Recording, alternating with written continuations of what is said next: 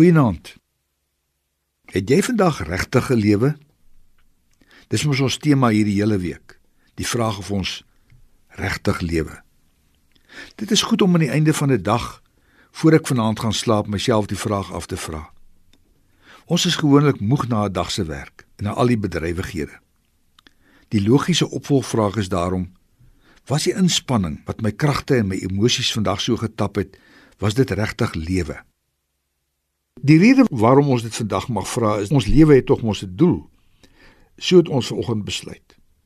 Anders as die diere en die plante met wie lewe bloot net gebeur, word ons as mense se lewe doelgerig geleef.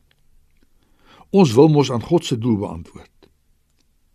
Ons het sê ons kleer elke dag God se groot kunswerk met ons lewe in. As hy daarom vanaand na ons inkleerwerk van die dag kyk, glimlag hy daaroor glimlag hy oor dit wat hy sien. Paulus gee nogal 'n interessante definisie van lewe wat die moeite werd is. Hy sê vir ons in Romeine 14 vers 8: As ons lewe, leef ons tot eer van die Here. En as ons sterwe, sterf ons tot eer van die Here. Of ons dan lewe en of ons sterwe, ons behoort aan die Here.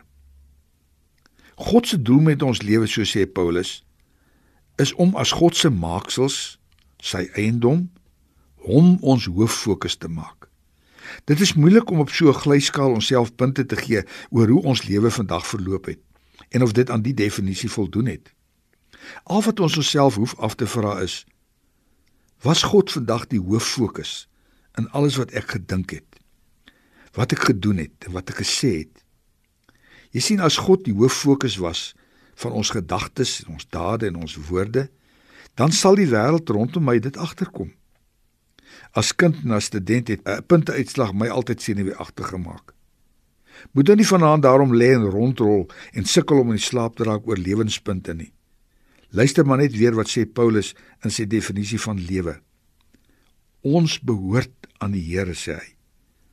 Hy ken ons as die palm van sy hand. Lewe word soveel wonderliker by die gedagte. Ek behoort aan die Here. Daarom kan ons vanaand bid. Here, gee ons vannag genoeg krag om môre U die hoof fokus van ons dag se uitdagings te maak. Lekker slaap.